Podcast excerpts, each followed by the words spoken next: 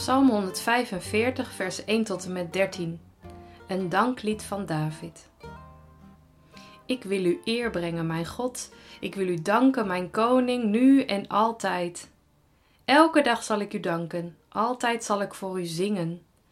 Heer, u bent machtig, laat iedereen voor u zingen, want uw macht is oneindig groot.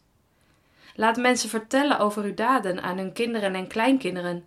Laten ze steeds opnieuw spreken over alles wat u hebt gedaan. Laten ze u een machtige koning noemen. Laten ze uw grote daden bekendmaken. Ook ik wil vertellen over uw wonderen. Ook ik wil spreken over uw macht. Laat iedereen vertellen hoe goed u bent. Laat iedereen zingen over uw trouw. De Heer is goed, Hij vergeeft ons. Geduldig en vol liefde is Hij. De Heer is goed voor iedereen, vol liefde voor alles wat Hij gemaakt heeft. Laat iedereen op aarde u eren. Laten al uw dienaren u danken. Laat iedereen u een grote koning noemen en uw machtige daden bekendmaken. Laat iedereen vertellen over uw wonderen, over uw daden, machtige koning. U bent koning voor altijd. Uw koninkrijk blijft altijd bestaan. We will not bow down to uh, racism. Yeah, we will not bow down to injustice. We will not bow down to exploitation. What you gonna do? I'm gonna, stand.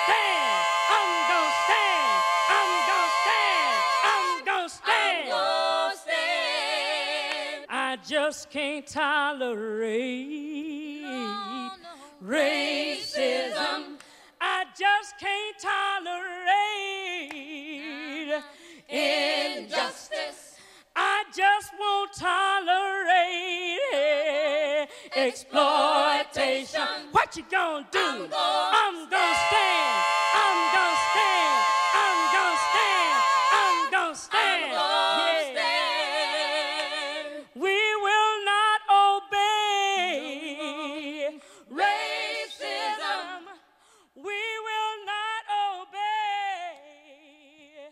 Dit danklied van David is ook echt in alle opzichten een danklied. Het kan blijkbaar niet op voor hem. Laat iedereen vertellen hoe goed u bent. Laat iedereen zingen over uw trouw. De Heer is goed. Hij vergeeft ons. Geduldig en vol liefde is Hij.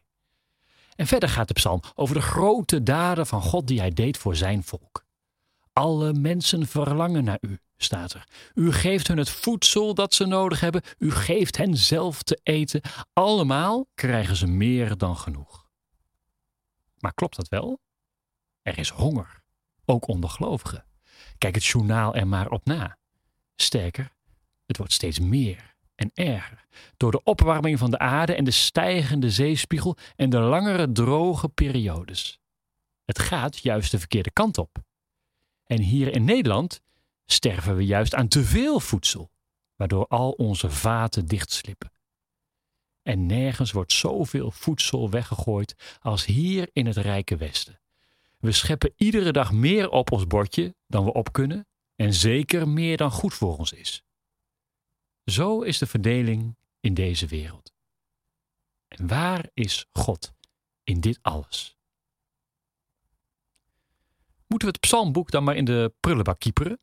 Omdat het toch allemaal niet waar is? Omdat het niet raakt aan de realiteit? En waarom geloven we eigenlijk nog als we dit soort teksten blijven afzetten tegen de krant, tegen het journaal? Waarom geloof je nog? De waarheid is misschien juist dat we geloven dat er een andere werkelijkheid kan komen. Juist met behulp van deze God. De psalmen zijn ook geen krantenverslagen. Ze beschrijven niet alleen wat is of wat was, maar ook wat nog niet is, of hoe het juist zou moeten zijn. Dat kan je in beweging zetten. Het kan je doen letten op alle goede dingen waar je, net als David, dankbaar voor kan zijn. God als motor om dingen aan te pakken, om te blijven bidden, te blijven werken. Het verleden heeft geleerd dat je je lot kunt veranderen. En dat is iets om voor te danken.